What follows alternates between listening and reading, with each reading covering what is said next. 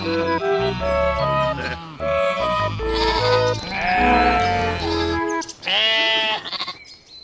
Einar! Hej på dig Anna! Och eh, hej till alla lyssnare. Välkommen till Fårpodden nummer 29. Och vad har vi för roliga ämnen på agendan idag? Ja, idag ska vi prata om parasiter. Ja, det är, Resistenta parasiter närmare ja, bestämt. det är ju kul, eller? Ja, man kan ju undra. Ska vi prata parasiter nu igen? Har vi fått det på hjärnan eller något? Nej, eh, vi tar upp det här ämnet igen eftersom det har tillkommit en hel del ny kunskap. Och eh, vi har även pratat med lite människor som har intressanta intressanta informationer att komma med i det här. Eh, vi har ju gjort en hel podd om resistenta parasiter tidigare och det är podd nummer 16 som ni gärna får återkomma till och lyssna igen för där pratar vi väldigt mycket om bakgrund och, och, och vad det är och så vidare. Vi lägger en länk till detta avsnitt även under den här podden. Det, det är väldigt bra att lyssna om tycker jag, nummer 16, för att där går vi verkligen till botten med hur man ska jobba för att skydda sig mot resistens och hur det funkar. Eh, vi kommer inte gå in på sådana detaljer idag, utan nu handlar det om dagsläget, eh, de här nya undersökningarna som har varit och framförallt då hur blir det på gården när man upptäcker att man har resistenta parasiter? För vi ska ju prata med en besättning som har upptäckt att de har Ja, det. precis. Lite mer hands-on idag. Hur upptäcker man det? Vad händer? Hur gör man när man har fått det? Och sen har jag pratat med en eh, veterinär som kommer med jätteintressanta positiva idéer om hur vi ska hantera det här framöver. Så att Hittills så tycker jag i alla fall att det har varit ganska nattsvart när man har pratat om resistenta parasiter. Det är ju i princip döden om man får det och det är allmänt besvärligt. Men det finns idéer och det finns hopp och det ska vi prata lite mer om framöver i podden här. Ja precis, det kan vi väl det, det kan vi ju hinta om att det, det kommer inte att bli så deppigt som man tror. Nej, utan precis. det kommer bli ganska intressant tycker vi. Men sen när vi började jobba med den här podden så tänkte vi att det skulle vara intressant att kolla hur det går med betesläppen runt om i landet. Det här, det måste ju varit i slutet på april då som vi började jobba med detta. Det har varit lite trögt att få klar den här podden av olika anledningar. Så nu känns ju inte betesläpp jätteaktuellt. Men eh, ändå ganska kul att lyssna på tycker jag. Så att eh, vi har med de inslagen som spelades in i, vad sa vi nu, slutet av maj gjordes intervjuerna. Och Vi då, spelar in den här podden i mitten av juni så att vi har ju passerat betasläpp. Men eh, de intervjuerna var ändå väldigt mycket intressanta idéer och ja, det blir betasläpp nästa år också. ja, och vi tänkte också att nu ska vi prata med någon som bor i söder och någon som bor i norr. För det är ju, Sverige är ju så avlångt och det är så stor skillnad. Eh, så att det var våran eh, idé när vi bokade de här inslagen. Och då, då blev det att vi pratade med Karin Kristoffersson som bor i södra Halland och eh, Josefin Lundberg som bor i södra Norrbotten. Ska vi börja med att lyssna på dem? Det gör vi. Hej Karin! Vi skulle prata lite om betesläpp här idag. Så du får börja med att berätta var du bor och lite om gården och, och djuren. Ja, men precis. Eh, Karin Kristoffersson heter jag. Bor i Skottorp, södra Halland. Eh, vi har en besättning med 140 finul dorsetacker och kör lite omgångslamning på det. Betyder Ja. det att du har lamm, små lamm nu eller stora lamm eller alla sorter? Eh, ja, alla sorter har vi ju. Men vi har ju lamm, de sista januarilammen går till slakt här nästa vecka. Gör de. De kommer aldrig Ja. ut egentligen. Nej, de kommer aldrig ut. Det gör de inte. Sen så har vi eh, tacker med lamm på bete och det är ju lamm som är födda i mars-april. Eh, och sen så har vi ju dräktiga tacker på bete som ska lamma nu i början av juni. Ja, ni har en ny omgång redan nu i början på juni. Ja, precis. Då kommer Mm. Eh, mina ungtacker. Ska komma. Mm. Och sen så har vi ju även tacker på bete som ska betäckas i augusti-september beroende på om vi får skörd, så att säga. Okej, så ni anpassar lite grann baggsläpp och sånt efter hur det ser ut på, på Nej, det har vi skördefronten? inte Hur mycket foder ni får in? gjort tidigare. Men eh, nu så måste vi nog göra det för vi är ju i princip tomma i våra lager. Och, Mm, eh, Okej. Vi måste hugga gräset imorgon. Och det är två veckor innan planerad skörd. Ni, ska, ni ska hugga imorgon? Ja, vi ska hugga imorgon. För att det är så torrt så vi måste ju rädda det gräset som finns kvar. Du menar att det är så dålig prognos så det känns som att nu måste ni ta det annars kommer det bara stå och torka? Ja, vi har ju inte fått... Vi fick 12 millimeter när vi sådde påsk... eh, För fy- fyra veckor sedan är det ju. Jag kommer inte ihåg vilket datum det var.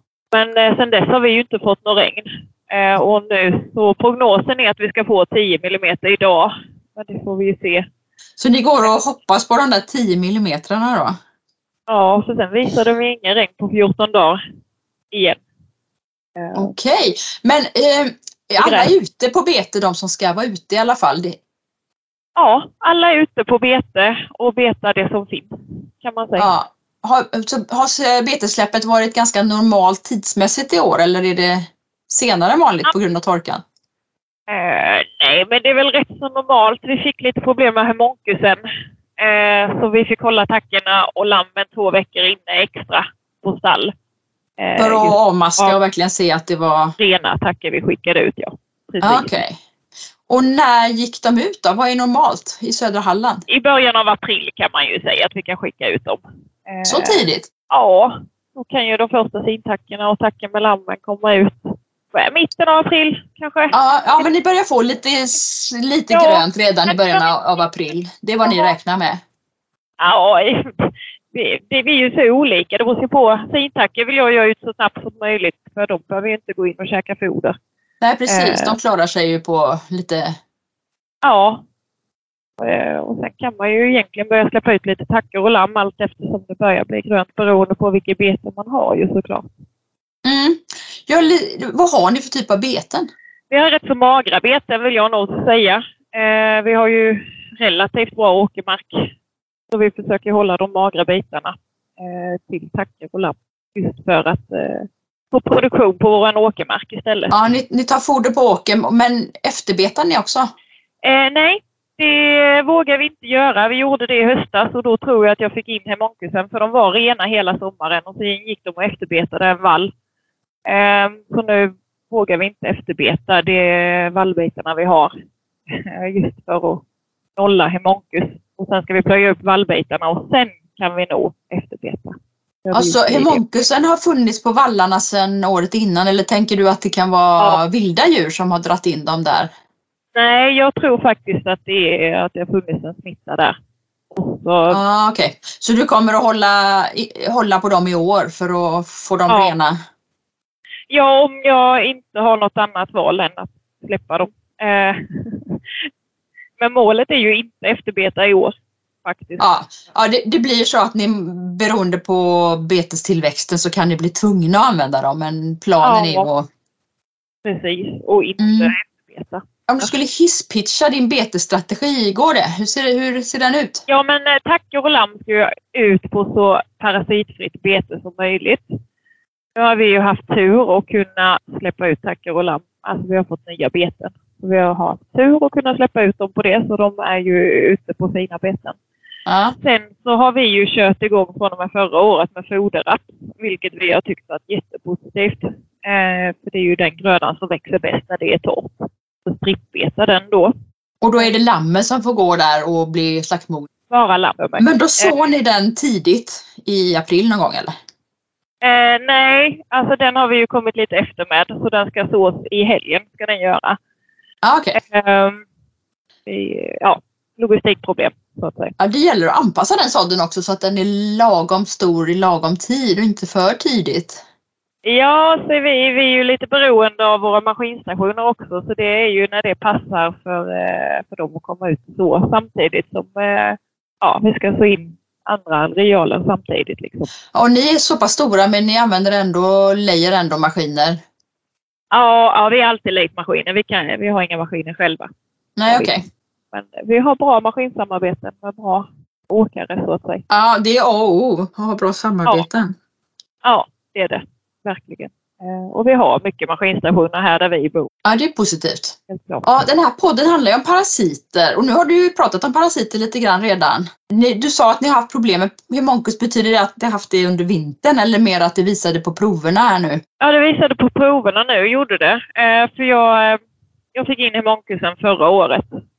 Fick jag. Och vi kunde maska av dem så de blev nollade under hela Ja. sommaren. vi tog kontinuerliga sträckprov då. Ja. Och vi hade in nollade tacker men eh, sen så nu i våras när vi tog sträckprov igen så var hemonkusen där. Så är den tillbaka. Ja, precis. Men då tror jag ju att det är som att jag efterbetade en åkare, eh, ja ett bete då ju som var smittat. Var okej. den. Så de fick det det sista de fick innan de gick in på för säsongen. Ja, ja Mm. precis. Troligen är det så. Vi får vara extra noga vad vi släpper våra djur nu. Ja, håll extra koll i, i Ja. år och hoppas att det inte blir några problem helt enkelt. Nej, precis. precis. Ja, Och rapsbetena är ju fria, det måste de ju vara, för de är ju plöjda och Ja, de- harvade och sådda. Vi såg ju in med en ogräsharv. Eh, gör vi. Både Okej. gräsfrö och rapsen där. Ska vi testa i år. Just för att slippa röra runt i jorden nu när det är så torrt. Du menar att du inte har plöjt? Ja, vi gör ett försök. Och vad har det varit där förra året? Eh, vall. Jaha, okej. Vad spännande. Så vi, ja, ja, det är ju ett försök här. Eh, Så vi ska ju så in vallfrö och rapsfrö eh, med en ogräsharv. Så får vi se om Mm. det tar sig. Ja, så då blir det Eh. vall där nästa år igen i planen. Ja, det är planen.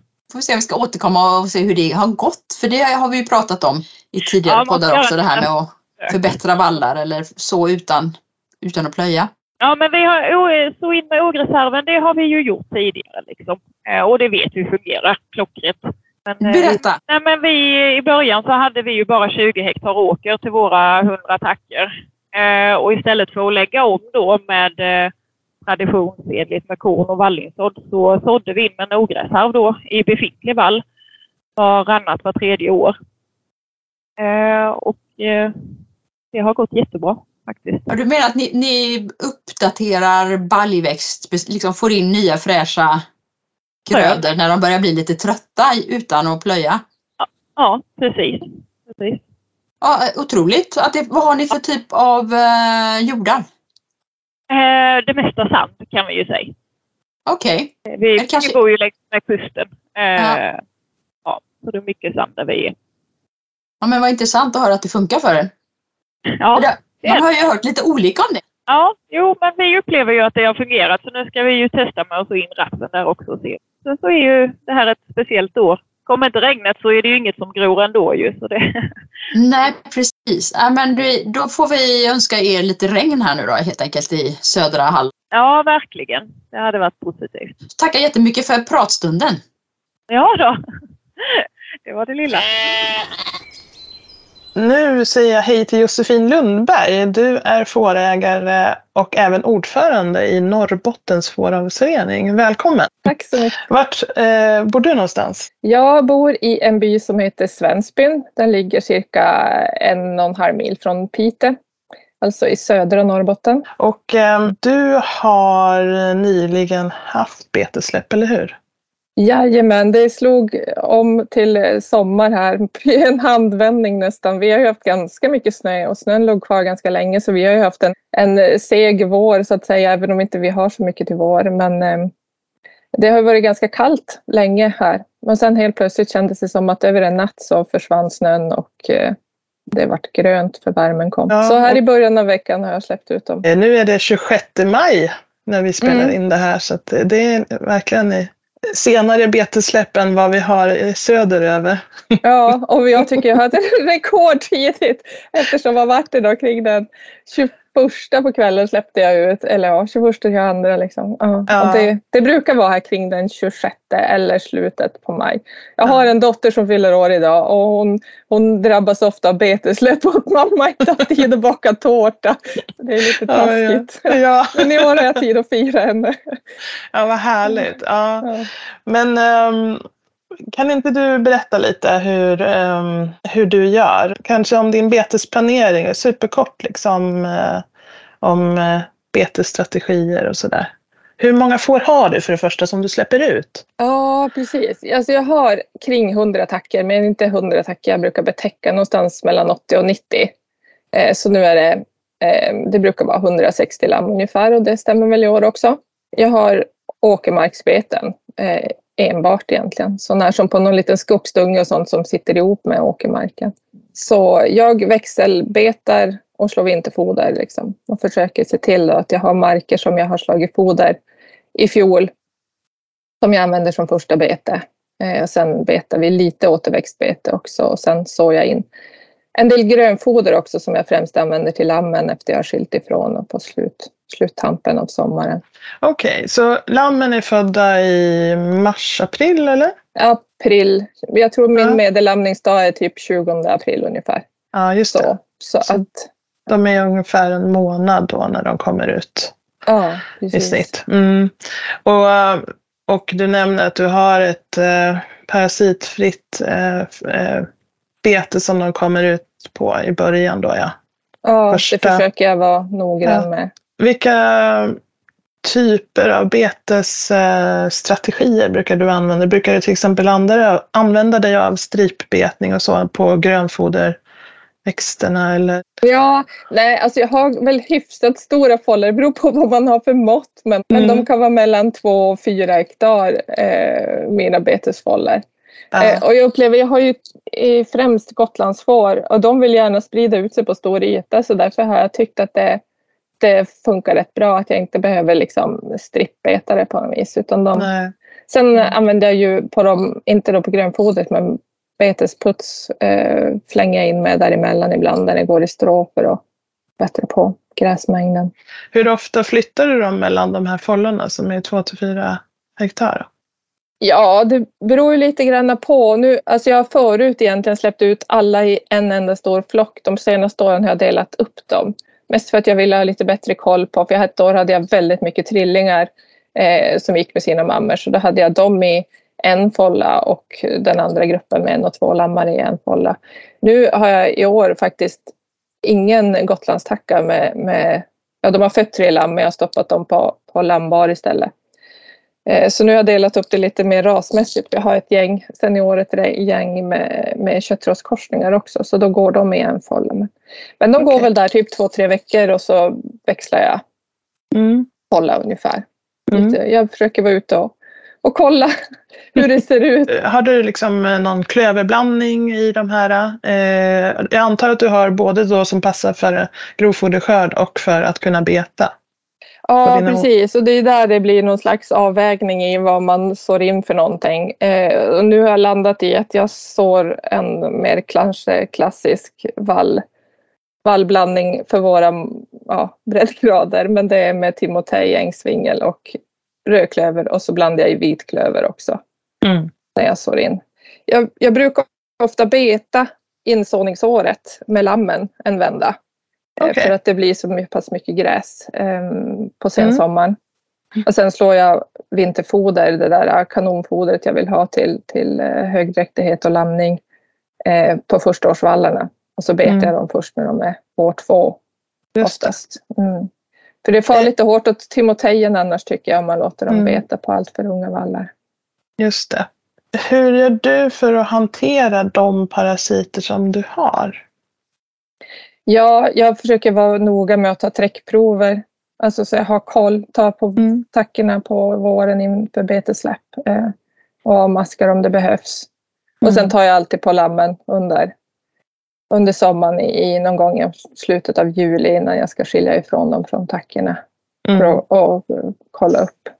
Om du behöver ja. avmaska då vid, vid avskiljning så att säga? Eller Precis, mm. ja. Hur, ehm, hur såg det ut i år då när du tog träckprov på tackorna? Jo, tackorna det såg bra ut. Det är lite mask. Jag tror ju att man är aldrig 100% parasitfri heller, liksom. men det gäller ju att hålla det på en rimlig nivå. Mm. Eh, ha ett tänk. Eh, mm. Men det var inga, och inga allvarliga parasiter så de har jag släppt ut utan avmaskning. Då. Mm. Eh, så att, eh, det såg fint ut. Men jag har en inköpt bagge som visade sig ha parasiter eh, som inte gick bort efter avmaskning. Så nu han har inte kommit ut på bete överhuvudtaget och har stått på stall sedan han flyttade hit i höstas. Så att eh, det blir tyvärr hemslakt på honom till helgen. Ja, jag förstår. Ja. Men alltså du, du tog eh, ett träckprov på honom, konstaterade parasiter och maskade honom och sen gjorde du ett behandlingsprov eller uppföljningsprov då Precis, efter ja. tio dagar. Och då var det Ja. fortfarande ägg kvar. Det var till och med ännu mer ägg. Ja, Ja. Dessvärre. Ja, men, ja, men eh, vad bra att du gjorde Ja, det. jag tackar mig lyckliga stjärna att jag faktiskt tog mig till besväret. Jag stod där och tänkte hur får man ett får att bajsa på beställning liksom. Men han, han är så himla snäll och gullig så han gjorde det. Så det känns, det känns verkligen sorgligt när man har sådana här Mm. fina, väldigt lätthanterade och allt sånt. Så att, eh, Ja. Men det går ju inte. Jag kan ju inte Mm. låta han smitta ner mina marker. Det är det Nej, ju bara. Nej Ja. verkligen. Bra att hålla koll med andra ord på Mm. dem, det man köper in också. Du nämnde det här att du har en betesputs som du far runt med när det blir överskott och för att putsa ner det som är rester kvar efter avbetning. Men, men betesbrist då, är det någonting som är vanligt eh, hos dig eller har ni bra med nederbörd? Och... Alltså vi har ju sällan torkproblem egentligen. Vi har ju också en betesvacka mitt i sommaren liksom, som väl i princip alla har på grund av hur gräsen växer. Mm. Men jag brukar rätt sällan ha betesbrist. Men, eh, för jag har så pass med mark ändå. Eh, men, eh, men det har hänt och speciellt de här lite torrare åren. Men då har jag lite tur att jag har grannbönder som jag har liksom kunnat ringa till och fråga har du någonting? Och då har de ofta någon återväxt som de inte behöver slå eller så så att jag kan få Mm. lösa det så. Så att hittills har det alltid ordnat sig. Ja, vad skönt med bra grannar med Mm. mark. Ja, precis. Och sen är ju det där, alltså så en typ en grönfodergröd, det blir väldigt mycket bete på liten yta på något vis för lammen. Så att då, och Just då det. är ju tackorna frånskilda så att de behöver ju Mm. inte så kraftigt bete. Nej. Nämnde du vad det var för grönfoder som du Alltså jag gör, en, jag gör en mix av diverse ska jag säga. Ja, får vi höra om Eh. Josefins mix?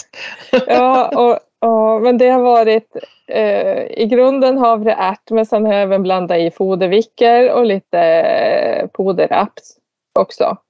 Okej. Så det, det ser ut lite som, ja, jag vet inte, Mm. det är lite djungel om det hinner förväxa. Men det har ändå Mm. funkat bra även om det har blivit lite förvuxet tycker jag. Och min tanke var väl att det ska finnas lite blandning av olika så att det ska passa lammen. Jag, då får jag ju vänja till dem lite på det försiktigt. Men, men det har funkat väldigt bra Mm. med deras magar. Liksom. De växer bra på det också då? Ja, jag upplever det som det. Och då, Mm. då är det alltid någonting av det jag har sått som växer. Även om inte rapsen tar sig på alla ställen på fältet så är det något annat. Som. Mm. Så det är väl min tanke med att det blir äh, blanda i mycket olika. När eh, är betesäsongen normalt sett slut hos dig i, Norrbot- i södra Norrbottens län där du bor? Ja, ja, när man börjar komma in i början på september kanske. Och då brukar jag ju fodra lammen. Då går de fortfarande på bete men jag fodrar dem med ensilage i häckar ute på bete också. Och börjar ge dem kraftfoder, de som är kvar Mm. då. Så du Eh. hinner ändå slakta ut merparten eh, innan stallsäsongen börjar ordentligt så att säga? Ja, precis. Och så sen, för sen, eh, men jag får ju tillskottsfodra på bete typ. Mm. Men det kan jag ju göra. Snön kommer ju sällan egentligen före jul nu för tiden heller. Liksom. Men målet är ju att i alla fall alla Gotlandslamm ska vara på slakt till i slutet på oktober. Tackorna brukar vi ställa in i slutet på september kanske. Dina bästa betestips om vi ska avrunda med det? kan du nämna Ja. bara så här? Men jag tänker väl att det är viktigt att vara ute och kolla. Eh, när man är ute och kollar på beten, inte bara titta på tackorna att de mår bra utan även titta på att gräset mår bra eller vad som växer. Ibland kan det ju se väldigt grönt ut på håll men det är inte någonting som får en vill äta som är kvar. Eh, så, och så lära känna sina marker liksom. Eh, Mm. Och vad fåren vill ha. Och Mm. prova sig fram lite grann. Det är ju det är som svårt att räkna ut att en hage ska räcka si och så länge.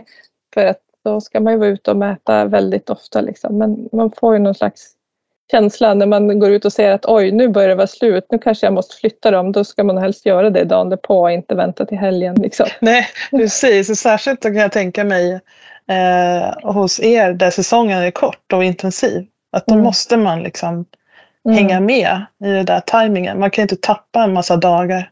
Nej. När, mm. Ehm, ja, ut och gå. Eh, Mm. När man ändå ser till djuren så... Ja, men ta en lov runt. Ja. Mm. Är det något mera som du har tänkt på?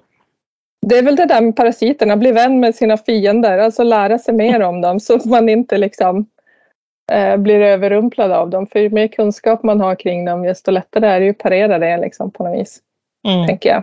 Ja, Sant.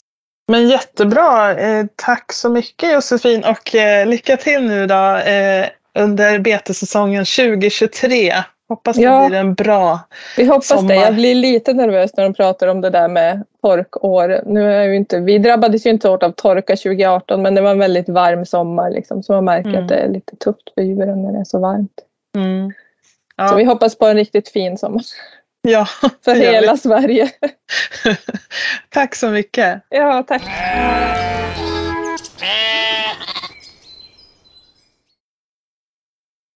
Ja, som ni hörde så eh, oroade sig Josefin lite grann för den eventuellt kommande torkan som de började varna för i slutet av maj och nu när vi är i mitten på juni så vet vi hur det blev. Hela Sverige är supertorrt.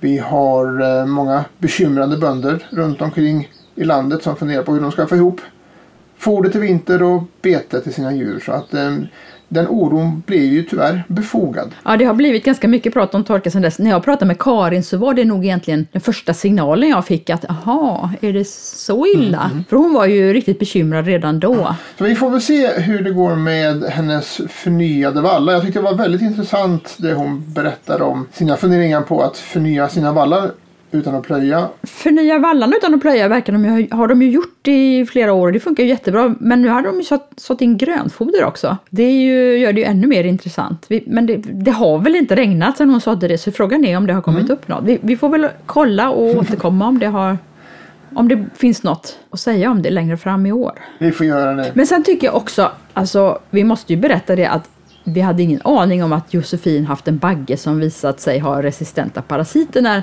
vi bokade intervjun med henne. Nej, det var ju en, till, en tillfällig slump kan man säga. En ren slump och frågan är ju om det har blivit så himla mycket vanligare eller, eller om det var en väldigt otrolig slump. Vi vet ju inte svaret på den frågan. Det var Titti Strömne som pratade med Josefin. Men det knyter i alla fall ihop väldigt bra med nästa intervju som vi har gjort med Jonas och Malin som handlar just om en besättning som har fått in resistens. Ja, du Einar har pratat med Jonas Karlsson som är ledamot i SS styrelse tillsammans med Malin Bernhard som eh, är veterinär på och djurhälsan. Och eh, Jonas är ju en av de första som har valt att gå ut och öppet berätta om det här. Och han säger ju också det i intervjun att det är viktigt att inse att det här med att få in resistenta parasiter det är inte inget skämmigt. Det kan vem som helst råka ut för. Och ju mer öppna vi är med det ju effektivare kan vi faktiskt göra någonting åt problemet. Ja, ju vanligare det blir ju mer behöver vi ju hantera det här och vara öppna med det och jobba med det, inte hymla. Vi lyssnar på intervjun. Ja, nu ska vi alltså prata om eh, resistenta parasiter och vi ska göra det ur ett väldigt praktiskt eh, perspektiv. Vi har med oss eh, Jonas Karlsson, eh, fårägare som har blivit uppmärksam på det här problemet och vi har också med oss veterinär Malin Bernhard som ska hjälpa oss att reda ut lite frågetecken. Välkomna till Fårpodden! Tackar. Tack så mycket. Eh, Jonas, du kan väl börja med att berätta lite grann om var du finns och berätta lite om din besättning. Jag bor i norra Östergötland, eh, strax utanför Finspång. Jag har en besättning med 220 tackor, 40 läster och 180 gotlandsfår. Vi har ju sålt en hel del livdjur och ja, vi har en avelsbesättning helt, helt enkelt. Vi har också 40 dikor, så det blir en 110 nöt sammanlagt som vi växelbetar med. Mm.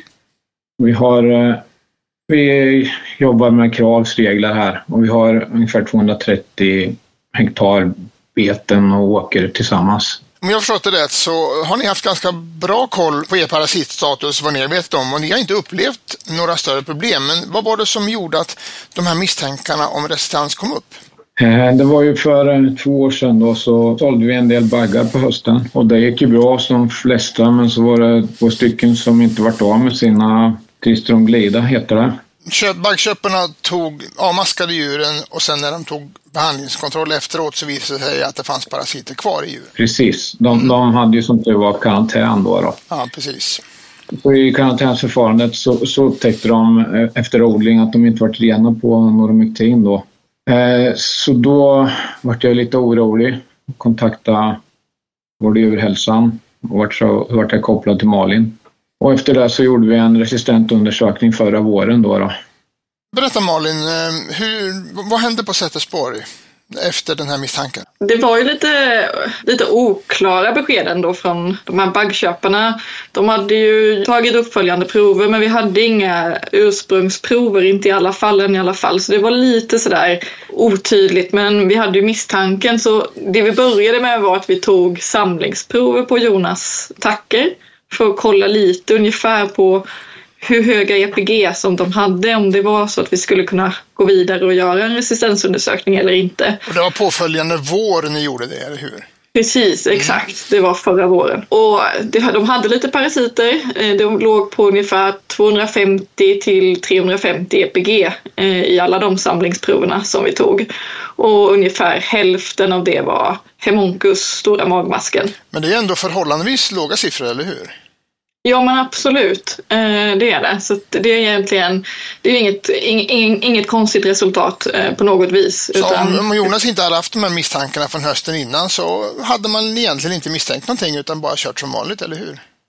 Nej men då, jag skulle nog tippa på att vi hade rekommenderat en avmaskning ändå. Mm. Eh, och sen så kanske vi inte hade tryckt så jättemycket för att göra en behandlingskontroll den här gången just eftersom värdena var relativt låga. Det kanske man är lite extra noga med att göra när man har lite högre värden för att man får också ut mer av de ja, behandlingskontrollerna i regel. Eftersom det var ganska låga värden så var det lite på gränsen till om vi skulle få ett tydligt resultat av att göra en resistensundersökning. För målet är att kanske få ihop ungefär 10 djur som ligger på över 200 EPG. Och nu låg ju samlingsproverna på över 200 EPG allihopa men det var ändå inte så mycket över så ibland kan det vara lite svårt. Men eftersom Jonas ändå var väldigt intresserad av att få klarhet i det här eftersom han också är en avelsbesättning eh, så valde vi att ändå chansa och provtog då för en sån här resistensundersökning mot en odomektin. Men berätta då, hur, hur gör man en resistensundersökning? Men då tar man individprover. I vanliga fall så tar vi ju samlingsprover och polar proverna tre och tre. Men i det här fallet så gick vi in och tog 15 individprover. Och eh, samtidigt som man tar proverna så avmaskar man också med Noromectin. Och då är man lite extra noga med att man gör avmaskningen på ett korrekt sätt och att man inte underdoserar och att allting är kalibrerat och sådär. Lugnt och stilla ska det vara. Mm. Eh, och sen så när man får tillbaka provsvaret från de första proverna så tittar man och väljer ut de tio individerna som har högst EPG. Och de gör man uppföljande individprover på någon gång efter 7 till 14 dagar. Och sen så eh, när man har fått tillbaka provsvaret från de, de sista proverna, då gör man också en del beräkningar på det där och ser på hur många procent av parasiterna som har försvunnit och även kollar konfidensintervallet, alltså hur säkert det här är. Och då finns det ett par kriterier där för att man ska klassa det som resistens. Bland annat så ska det vara mindre än 95 procent av parasiterna som har försvunnit. Vad blev resultatet hos Jonas då? Hos Jonas så försvann ungefär 80 procent av parasiterna. Så det var ganska tydligt att det ändå rörde sig om en resistens. Men det man ska ha med sig här också det är att när det gäller Hemoncus stora magmasken så sa jag att ungefär hälften som man hade från början var stora magmasken Hemoncus. Ja. Men den försvann helt och hållet. Så Resistensen hos Jonas är ju hos de andra trichostrongolida maskarna. Exakt vilka av arterna, det vet vi inte, men det är lite intressant för att när man, när man pratar om, om eh, resistens så är det oftast hemoncus vi pratar om, men det innebär att även andra parasiter kan bli resistenta. Absolut. Eh, jag skulle säga att det har kanske varit ganska vanligt att hemoncus har varit med och varit resistent i många besättningar. Eh, men väldigt ofta så är det kanske hemoncus och några av de andra trichostrongolida maskarna som är kvar. Och som i det här fallet då så är det bara de andra trichostrongolida kvar. Så att det där finns en variation och det har väl kanske blivit lite, lite sned uppfattning liksom mm. så att man gärna tror att det bara är hemoncus. Men eh, den här undersökningen gällde då eh, valbasen noromektin-gruppen. Nej, Nej, okej. Okay. Nej, det gällde ju noromektin, alltså också Ivomec. Men när det gäller valbasen så vet vi fortfarande inte hos Jonas. Det beror helt enkelt på att sen vi gjorde den här resistensundersökningen de djuren som vi inte gjorde resistensundersökningen för, de avmaskade vi med Valpacen och eh, släppte ut på bete. Eh, men sen dess har vi inte behövt göra någon mer eh, avmaskning på gruppnivå på det här sättet. Så att det har inte riktigt varit läge och eftersom värdena var ganska låga när vi gjorde den första så valde vi att inte samtidigt göra för Valpacen. Det hade man ju kunnat gjort annars men mm. vi kände att det var lite av en eh, chansning på att vi skulle få ihop tillräckligt många individer som låg tillräckligt högt från början. Men Jonas, vad innebär det här beskedet för dig nu? Till att börja med så, så uh, vi säljer inga livdjur längre. Helt plötsligt fick vi en, en uh, slaktbesättning. Eh, Betesstrategierna ligger kvar som förut. Vi eh, betar vartannat år med våra kor, så vi har ju ganska rena beten. Eh, när jag köper in livdjur så vi har alltid haft karantän, men, men nu kör vi strikt karantän. Och, och, det viktiga har jag lärt mig att man... Jag trodde ju att hade man noll på, på hösten så var det noll. Men nu tittar vi även på inköpta djur på våren då. Och det är väl egentligen då man kan fånga upp parasiterna. Eh, annars så avlar vi på som vanligt. Eh, jag är väldigt restriktiv numera, kommer, kommer vara eh, vart jag köper djur. Sådana som jag vet lite om, som vi kanske samarbetar med. Jag vill ju inte köpa på mig något som vi inte har. Så har det blivit på vår gård. Men om, om vi ska förtydliga då, alltså om du har under 50, om du har noll EPG i ett träckprov så betyder inte det automatiskt att de inte har några parasiter alls, utan det betyder bara att de har så låga nivåer att man inte kan upptäcka det i prov, men de kan fortfarande ha det. Precis. Men, men sen är det också på hösten så kan ju parasiterna gått i dvala, så jag brukar ta mina prover då i slutet av april, början av maj och då är de ju som mest aktiva parasiterna så det är då man kan uh, avslöja dem på riktigt. Ja, just det. Och då, då, är det extra viktigt att man tar prov på de djur man köpte in hösten innan för att fånga upp om de eventuellt har parasiter och att man i så fall inte släpper ut dem på beten. Man skulle ju kunna ha ett baggbete då till, till de här djuren. Men jag väljer att uh, slakta dem som uh, de inköpta om de har parasiter på våren. För jag vill inte chansa här. Har du nolltolerans där menar du? Jag har inte nolltolerans eh, mot parasiter, men jag har nolltolerans mot parasiter på inköpta djur efter behandlingskontroll. Men Malin, eh, är det så att om man får besked om att man har en resistensproblem i besättningen, är det helt kört att sälja livdjur då? Så man kan sälja livdjur och det har nyligen tagits fram rekommendationer för hur man kan göra det i så fall på ett liksom säkert sätt. Och det är rekommendationer som har tagits fram av en grupp som kallas för Sampargruppen och eh, det är en expertgrupp med personer från eh, Gård och djurhälsan, SLU, SVA och Växa eh, som diskuterar olika parasitfrågor och kommer med rekommendationer. Och Alternativen som de har kommit fram till är ju att man antingen kan sälja stalluppfödda lamm, alltså lamm som har fötts på stall som man eh, sen säljer utan att de har varit på bete. För de här parasiterna smittar inte eh, stallmiljön. Liksom. Eh, liksom. Så finns det flera saker man ska tänka på i det fallet för att man ska göra det säkert så att man inte får med sig träck från eh, djur som har varit på bete i den besättningen och så vidare. Så att man ska ändå göra det med försiktighet och eh, liksom tänka igenom det. Både säljare och köpare behöver tänka igenom förutsättningarna så att ja, man klarar det på ett bra sätt. Vi har ju faktiskt några besättningar som redan tillämpar detta så det, det här förekommer ju redan. Absolut, så är det. Eh, sen kan man också sälja en bagge för att betäcka på stall och antingen liksom skicka han på slakt efteråt eller liksom lämna tillbaka honom eh, igen. Eh, och det är samma sak där, då finns det flera saker man ska tänka på så att man gör det på ett säkert mm. sätt för att inte träcken från den här baggen sprids på gården eh, där han betäcker och så. Men det finns ju flera eh. stycken jättebra dokument som ni har sammanfattat och, och, med de här tipsen och råden. Och vi länkar till de dokumenten i den här podden. Så att eh, lyssnar ni på podden via Fåravsförbundets hemsida så finns det länkar till de här jättebra dokumenten där att läsa. Det är bra. Om vi tar Jonas eh, exempel då. Eh, hur tycker du att han ska kunna leva med det här? Han har ju ändå det låter som haft väldigt bra betesrutiner med växelbete och så vidare. Vad, vad innebär det för honom? Jo, men jag, jag tror att det kommer gå bra för Jonas. Tittar vi på hans träckprovsresultat bakåt i tiden så har han sällan kommit upp i så höga värden och han har inte behövt avmaska så ofta. Och det kommer ju inte ändras av att parasiterna nu Eh, resistenta mot Noromectin. Förhoppningen är ju att Valbacen fortfarande funkar och det är ju någonting som vi måste eh, liksom, ta reda på sen eh, framöver så fort vi har lite högre EPG-värden igen. Och eh, utöver det så handlar det ju om saker som att då minimera behovet av avmaskningen då som växelbete som Jonas redan tillämpar då till exempel.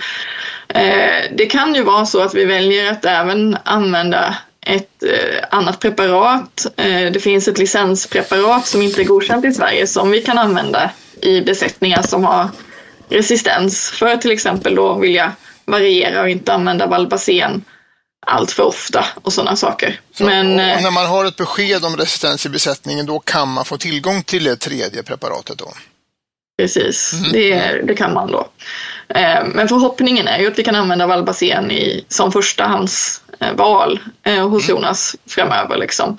Och annars så är ju grundrekommendationerna ju i mångt och mycket samma som till andra besättningar. Att, eh, att ta sina träckprover och följa upp under säsongen på lammen och, och hålla koll på läget och ja, förebygga behovet så gott som möjligt genom att ha bra foder till sina djur och bra mineraler och hålla dem friska på andra sätt och så också. Och sen som Jonas var inne på att han inte köper in något annat liksom för nu har han ju en grupp av parasiter som är resistenta mot vad det verkar vara ett preparat.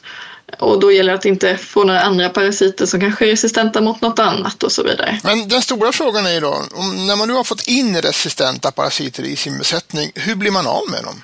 Ja, det finns ingen, inget bra sätt att bli av med dem på, tyvärr. Eh, det är så att det här är ju, de här parasiterna är ju genetiskt förändrade och de kommer nedärva den genetiken till liksom kommande generationer av parasiter också. Och det gör ju att det här kommer finnas kvar.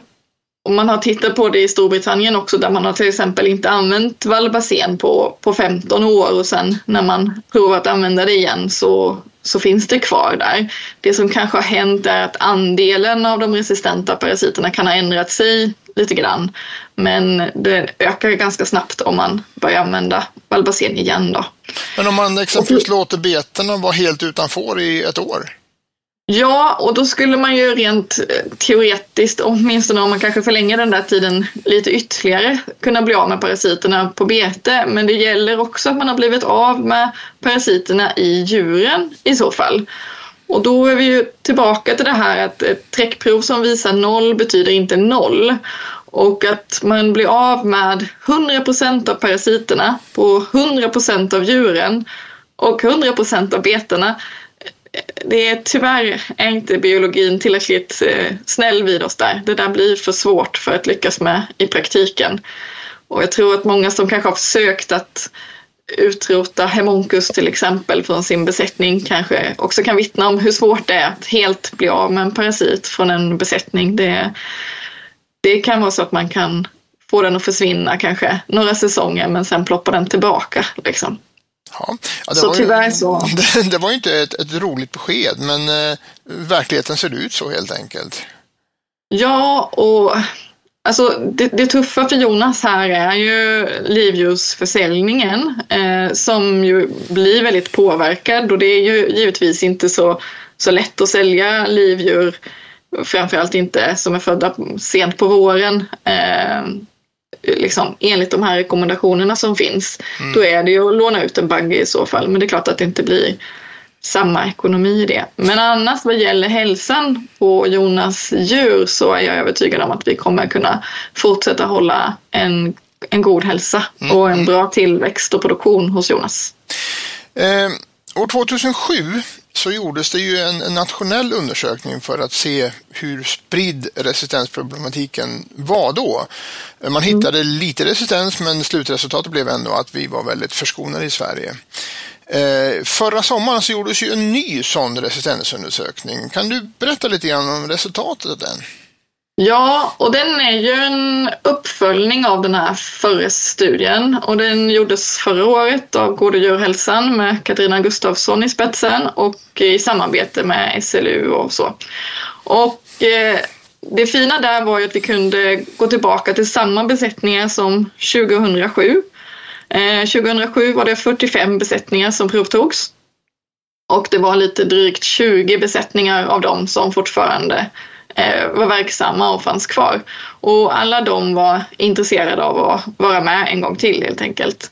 Ehm, eh, och totalt blev det 19 av besättningarna där vi lyckades göra resistensundersökningar på lammen i deras besättning. Alltså de, på de parasiterna lammen hade helt enkelt. För det är ju, det är ju alltid parasiterna som är resistenta. Eh, och eh, det hade förändrats eh, till viss del. För det som vi hittade då 2006-2007 var att det var två av de här 45 besättningarna som hade resistens mot valbasen och ingen av besättningarna hade då resistens mot Nordomectin. Eh, och i år så var det, eller förra året så var det en besättning som föll ut som resistent mot valbasen. Så där kan man ju i procent så har inte det förändrats eh, märkbart egentligen. Mm. Det, det ser likadant ut så att säga. Men på Noromectin så var det nu fyra besättningar av 19 eh, som var resistenta. Så att eh, där ser vi ju en, en ökning i den gruppen av besättningar som, som var med. Eh, nu var ju detta ganska lite statistiskt underlag, men kan man dra slutsatsen att resistensproblematiken i Sverige ökar? Man kan åtminstone dra slutsatsen att det pekar på att den gör det, tycker jag. Mm. Det är som sagt ett litet underlag, men styrkan i den här undersökningen är att det är samma besättningar som var med en gång till. Eh, det är ju den stora styrkan mm. i den undersökningen. Jonas, förutom att du har en egen besättning så jobbar du också med avelsfrågor inom Svenska Fåravelsförbundet. Hur skulle du säga att detta påverkar branschen och avelsarbetet i, i den svenska fårnäringen? Ja, det är klart att det påverkar. I SF så har vi ju tänkt att vi skulle försöka ta fram en, en branschöverskridande strategi här ihop med parterna i Får eh, Sverige det är något som vi ska jobba med här i, i vinter. Vi försöker få till en digital djurägarförsäkran i Elitland, där man kan eh, visa sina statusar på både med och fotröta och lägga in sina träckprovsresultat. Ja, det låter jättebra. Ja, och sen eh, tyvärr har vi fått lägga ner vår seminstation men eh, vi jobbar hårt på att få till den igen för det är ett bra sätt att sprida genetik utan att man har kontakter med andra besättningar. Och från och med i höst här så har vi också börjat köra, eller i vår, har vi börjat köpa in eh, doser ifrån England på baggar som våra medlemmar vill ha. Så långt har vi kommit i SFR. Alltså, semin är ju verkligen en av, en av lösningarna, eller en av sättet att hantera problematiken i alla fall. Så att eh, vi får verkligen hålla tummarna för att vi kan starta upp en ny seminstation. Malin, eh, vi vet ju att eh, det här problemet är betydligt större utomlands eh, och i många länder så finns det ju många besättningar som har resistens mot flera olika preparat. Hur, hur ser det ut egentligen och eh, var står vi i förhållande till det? Ja, men det är ju så. Trots att den här studien då visade på att vi verkar ha en ökning av resistensen så är det fortfarande så att jämfört med andra länder så har vi ett gott resistensläge och det ska man ha med sig. Och det gör ju också att det är väldigt viktigt att vi fortsätter värna det här läget. För tittar man till exempel i England så räknar de med att en, den absoluta majoriteten av besättningarna har resistens mot åtminstone tre olika preparatgrupper avmaskningsmedel. Oj, eh, så där är ju situationen väldigt allvarlig. Ja. Definitivt. Hur hanterar de de här problemen i exempelvis Storbritannien? Ja, alltså jag tycker att det är viktigt att tänka på att även om de har de här är väldigt omfattande problemen så går ju rådgivningen där ut på precis samma saker som vår rådgivning. Det är att avmaska så sällan som möjligt och se till att få så bra effekt av avmaskningen som möjligt när man väl avmaskar. Man har rätt dos och rätt utrustning och så vidare. Och att man är noga med karantän vid inköp. Sen skiljer sig råden lite på detaljnivå. Eh, och det kan ju bero på till exempel att de, de utgår ju från att när de köper in en bagge så är den baggen resistent mot åtminstone tre olika preparat. Köper man en svensk bagge är ju ändå sannolikheten att den, att inte är resistent eh, fortfarande väldigt god. Eh, sen kommer det lite nytt, de gör lite satsningar i England på eh, att man ska kunna söka ersättning eh, för bland annat eh, veterinärrådgivning men också då att göra behandlingskontroller. Så de ser ju ett behov av att öka träckprovtagningen och eh, att de har bättre koll ute i besättningarna på vad som fungerar och inte fungerar. Så det är ett stöd som ska vara som en liten eh, litet lockbete att ta behandlingskontroller helt enkelt? Ja, precis. Överhuvudtaget tror jag ökar provtagningen. Jag tror att vi ligger ganska långt i framkant när det gäller träckprovtagning i Sverige faktiskt. Trots att det kan kännas lite negativt ibland så har vi i förhållandevis eh, ett bra läge och vi ska fortsätta verkligen att värna för det. Men vad är dina konkreta tips framöver hur vi ska agera i Sverige? Det allra viktigaste är ju att man börjar följa de här råden om att man håller i karantän eh, vid inköp och att man gör de här behandlingskontrollerna. Sen överlag att vi fortsätter jobba med att ta mycket eh, träckprover och avmaska vid behov och jobba för att minska behovet av avmaskningarna eh, Samtidigt som vi ändå ser till att vi upptäcker behovet av avmaskningen i tid eh, så att vi håller djuren friska. En av de råden som jag upplever som är lite ny, tror jag, för många fårägare, det är ju detta att ta uppföljande träckprov på inköpta djur på våren innan man släpper ut dem på betet. Det låter ju som något väldigt konkret som vi kan förbättra oss på. Ja, eh, jag skulle också i samband med det skulle jag ändå säga att det, det, är ju viktigt att man tar en behandlingskontroll redan i samband med inköpet och många gånger upptäcks det ju redan på hösten också så det är inte vi så att den provtagningen på hösten är, är onödig. Men man kan ju säga att det blir en en extra säkerhet att dubbelkolla efter stallperioden att det fortfarande är noll. Mm, mm. Men det är ju en stor fördel om man får reda på det redan under hösten. Och, och det var det som hände hos Jonas, det var ju därför ni kunde ta tag i ja. det så, så snabbt. Jonas, vad, vad, är dina, vad är ditt budskap som du vill ge till dina kollegor i, i det här ärendet? Jag tycker att vi ska vara öppna med våra statusar på parasiter och, och prata med varandra om det. Jag tycker också att eh, man hör att en del tycker att det är väldigt eh, dåligt att man har fått de här parasiterna, att andra har fått de här parasiterna. Men det är väldigt lätt hänt att få dem och, och det, man har ju inte gjort något fel när man har fått dem. Eh, så vi ska vara rädda om varandra ute i får-Sverige. Sen tycker jag att om man bara har får så kunde man kanske försöka att samarbeta med någon som har kor eller hästar i närheten för att på naturlig väg bekämpa parasiterna. Mm. Det är väl vad jag vill skicka med. Om jag ska försöka sammanfatta situationen så är inte situationen nattsvart på något vis, men ju mer kunskap vi har desto bättre möjligheter har vi att hantera framtiden. Kan det vara en bra sammanfattning? Hörni, eh, tack så jättemycket för att jag fick lov att störa er. Tack. Under SF stämma eh, i Tranås så höll veterinären Allan Hägg Grönborg ett föredrag som jag gick igång på oerhört mycket eftersom det bara handlar om möjligheter och inte om hot. Eh, så att efter eh, hans föredrag i en paus så högg jag Allan och vi satte oss i en hall. Det är därför det är lite burkigt ljud i den här intervjun. Och så bad jag honom att berätta lite grann hur hans tankar gick. Um, och jag tycker själv att det blev optimistiskt. Jag sitter här i Tranås, på Lammriksdagen i Tranås med veterinären Allan Hägg Grönborg. Välkommen hit! Jo, tack! Um, du har just haft en, måste jag säga, väldigt intressant föreläsning om att, uh, hur vi ska hantera parasitproblem hos våra djur i framtiden när det gäller hur vi kan avla på att få djur som kan klara av parasitbelastningar på olika sätt. Eh, kan du börja med att beskriva skillnaden mellan... Alltså du, du började prata om får som är motståndskraftiga mot parasiter och får som är resistenta mot parasiter. Vad är skillnaden? Ja, det, man kan ta och betrakta det som en gradskillnad. Eh, på ett resistent djur eh, då kommer parasiten inte lyckas etablera sig. Det är så, där kommer liksom, de här larverna som de får in från gräset som kommer in och sen ska utveckla sig till de vuxna maskarna. När de kommer ner i tarmen på ett resistent djur och ska försöka ta sig igenom tarmslimhinnan då stängs de ner och kommer inte in och lyckas inte etablera sig alls.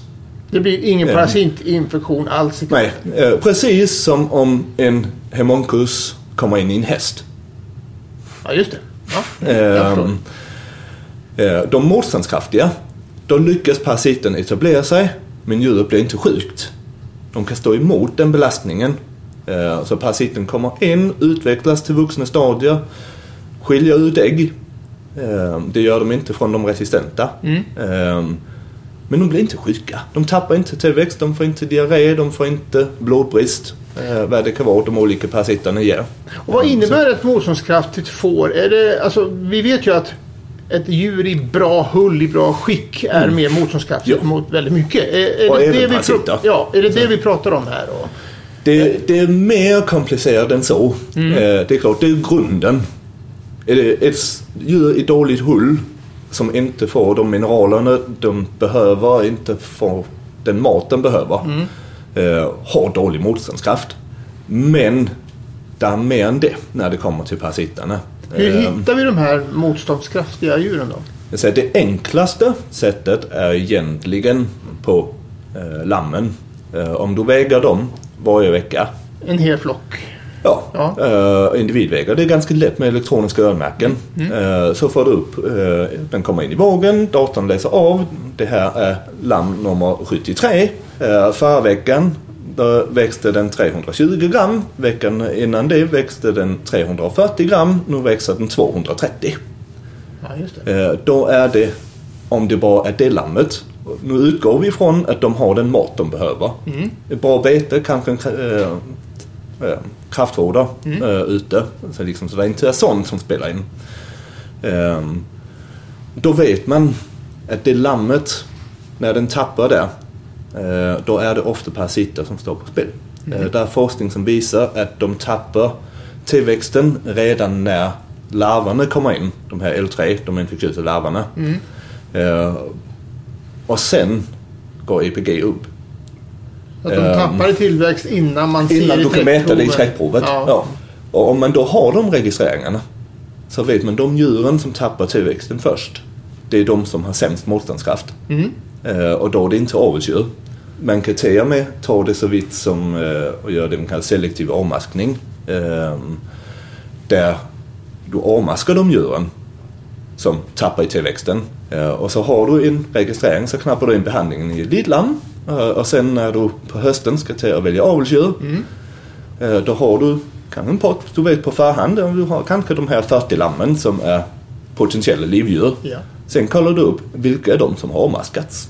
Och då skickar du dem till slakt. Just det. Som Ja. har behövt att behandlas. Och så, har, och så har du de motståndskraftiga djuren kvar. Ja, de här djuren har haft samma miljö hela sommaren. Ja. De som har klarat hela vägen utan en, en tapp i tillväxten är de som är mer motståndskraftiga. Ja, Och de ska vi lägga på till liv. mm, exakt. Det är relativt ospecifikt. Eh, Du har inte lika stort genomslag som om du avlar på resistensen. Ehm, Men det är mycket, mycket billigare. Speciellt om du redan väger varje vecka. Hur hittar vi då de resistenta djuren?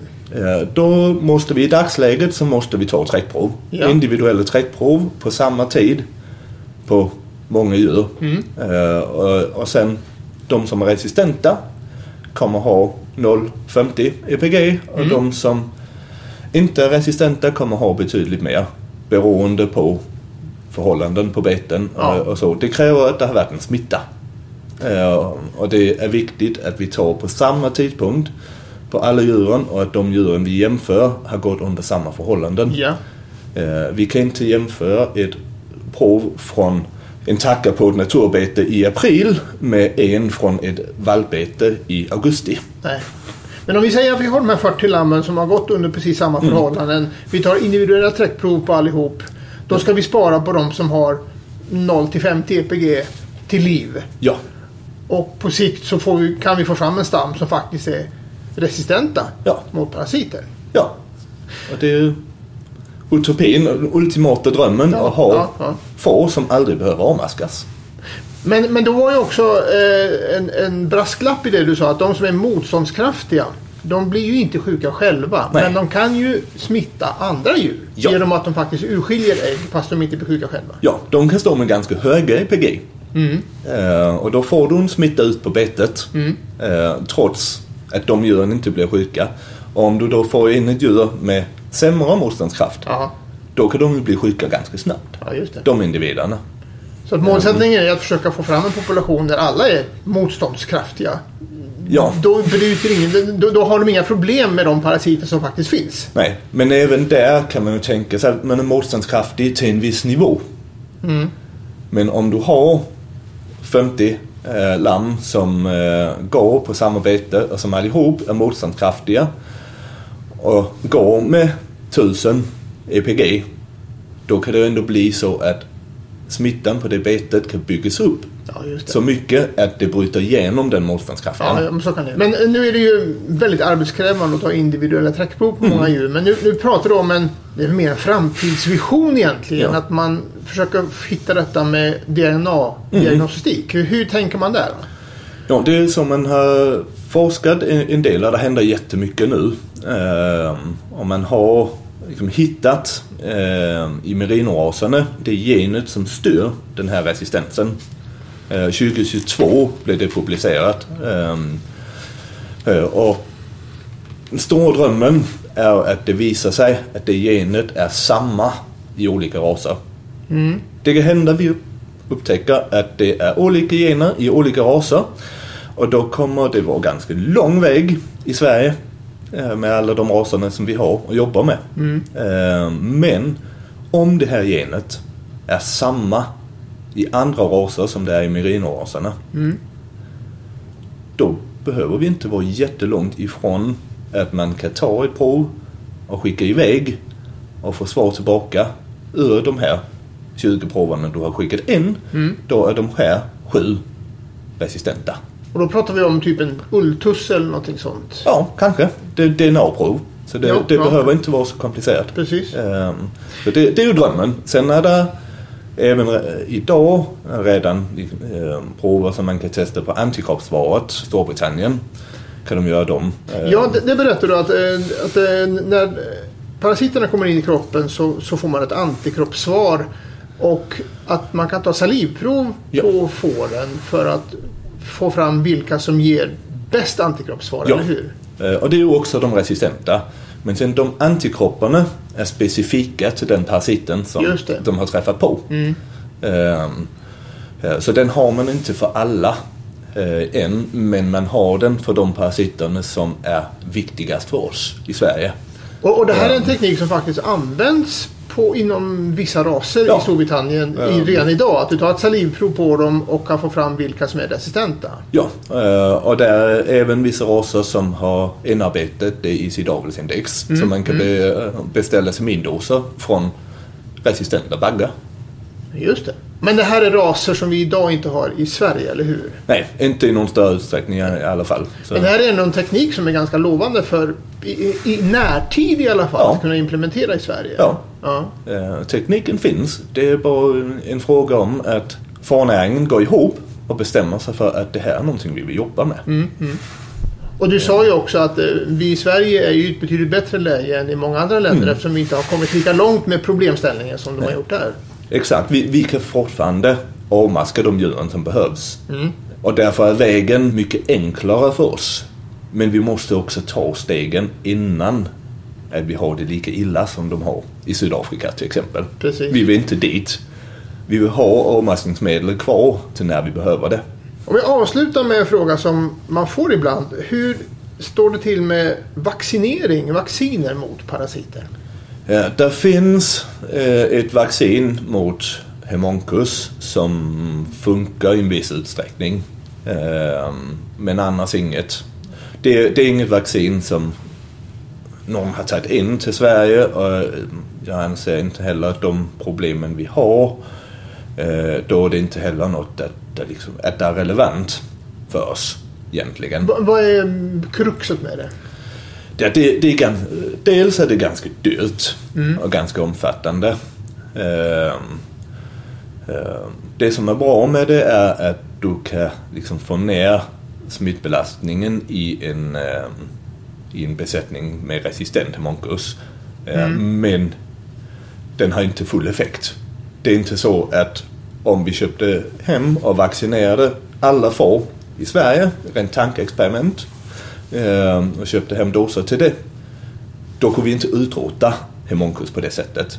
Eh, utan det, den ger liksom, ökar det här immunsvaret eh, som kommer, som det man kan mäta med antikropparna. Men det är inte komplett. Maskarna finns kvar och de etablerar sig i en viss utsträckning, men mycket mindre.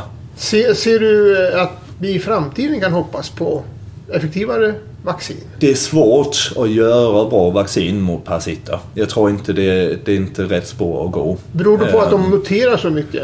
De muterar mycket och det är ett, eh, det är ett så specifikt immunsvar som kommer på det. Ja, eh, och just som det. kommer lokalt i, i tarmslemhinnan. Eh, att när vi har andra vaccin eh, då går vi genom blodet. Eh, men det är inte där att parasiteffekten kommer. Ja, just det. Eh, Så det är svårt att få liksom, immuniteten till att sitta på rätt plats, om man säger så. Men eh, sammanfattningsvis så kan vi konstatera att eh, om vi avlar på mer motståndskraftiga eller resistenta djur. Det är en, en, en framkomlig och rimlig väg Ja. för oss. Ja. Det gäller Ehm, bara att vi bestämmer oss. Ja, eh, och där finns ju även ett eh, stort europeiskt projekt, Smarter Project. eh, där de avlar på motståndskraft i allmänhet eh, och har sett att, eh, att det har inga negativa effekter på effektiviteten och för produktionsresultatet om du Okej. selekterar för motståndskraftiga djur.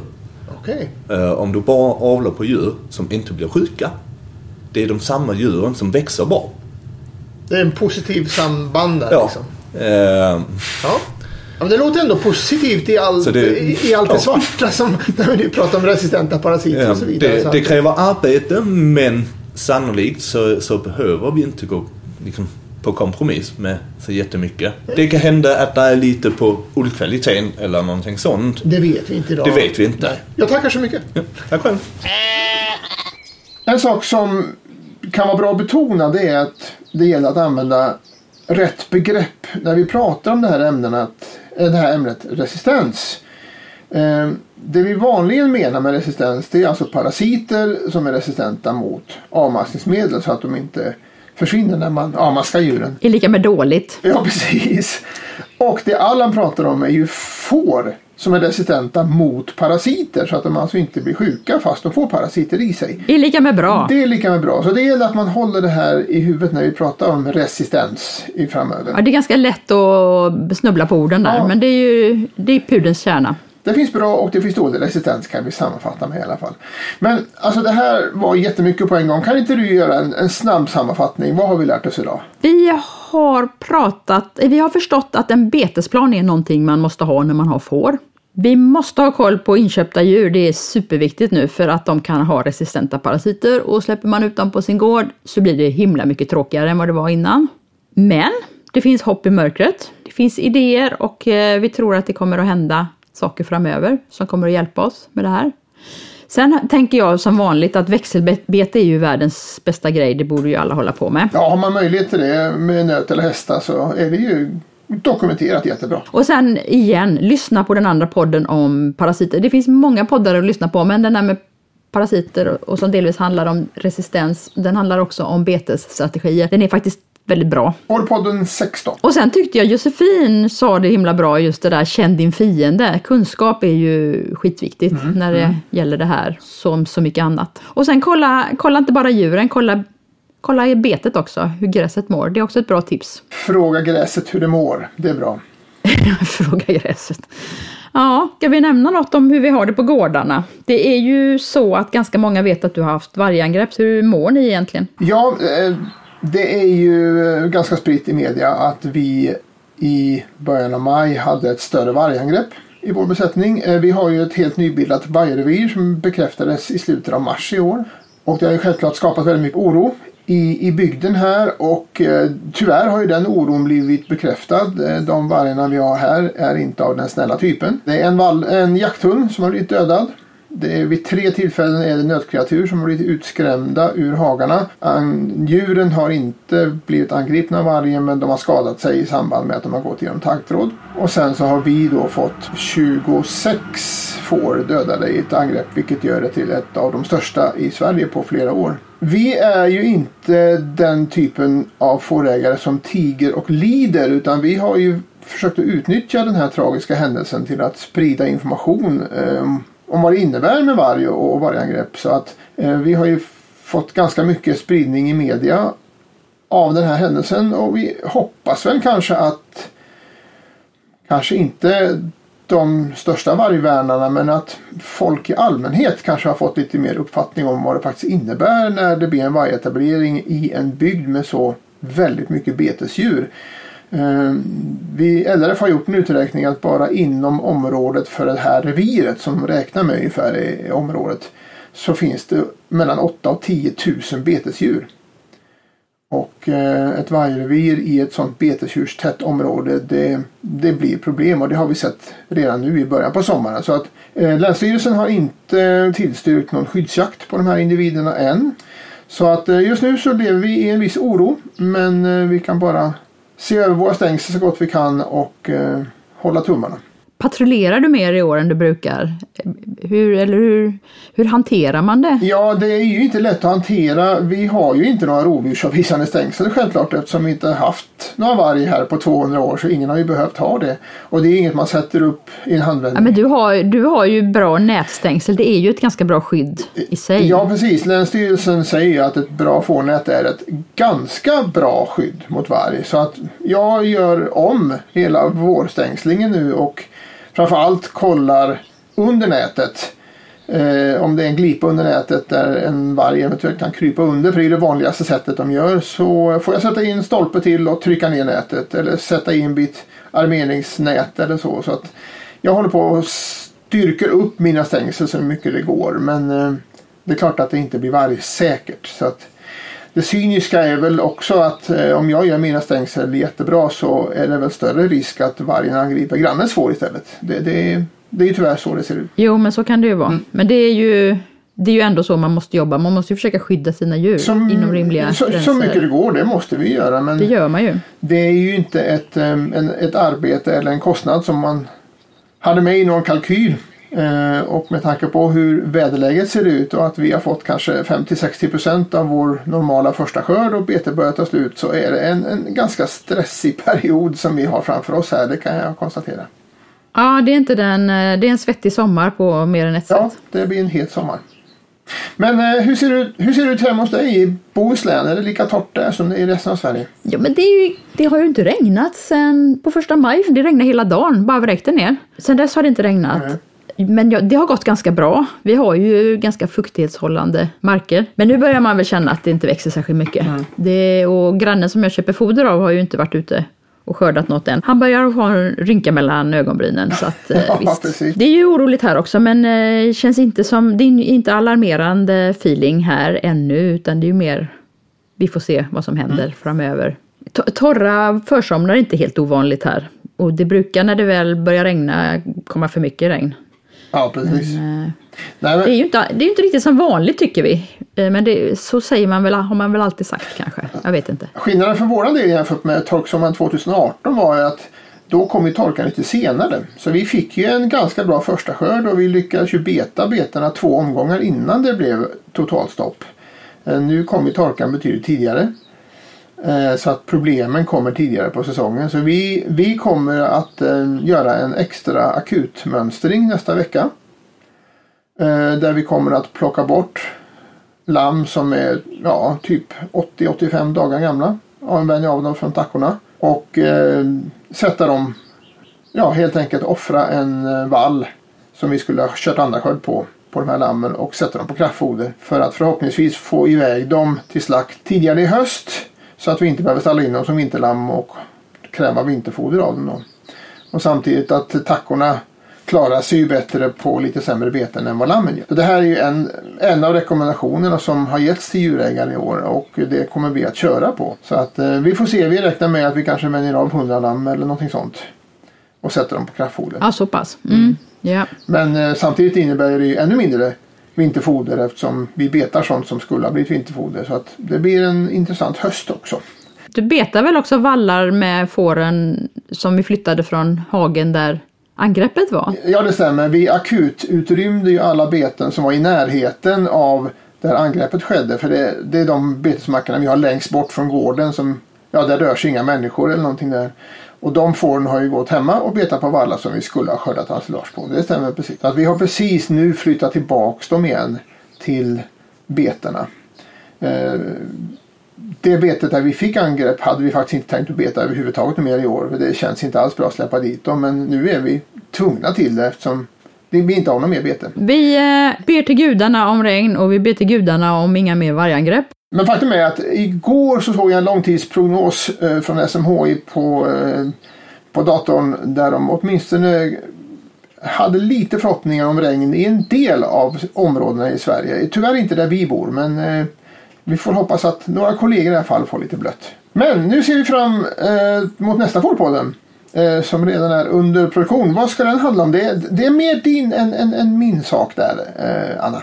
Ja, men nästa podd så ska vi prata avel. Det är ju ett spännande ämne. Väl Lite uppföljning efter eh, lammriksdagen som handlade om avel. Det är ju världens mest spännande ämne. Ja, jag tycker det är roligare att sätta stängsel än avla. Men, men jag vet att det finns många som du som tycker att det är kul med avel. Men eh, nästa Fårpodden handlar om avel och eh, tills dess, ta hand om er och eh, lycka till med väder och allt annat. Så hörs vi. Det gör vi. Hej då! Hej då!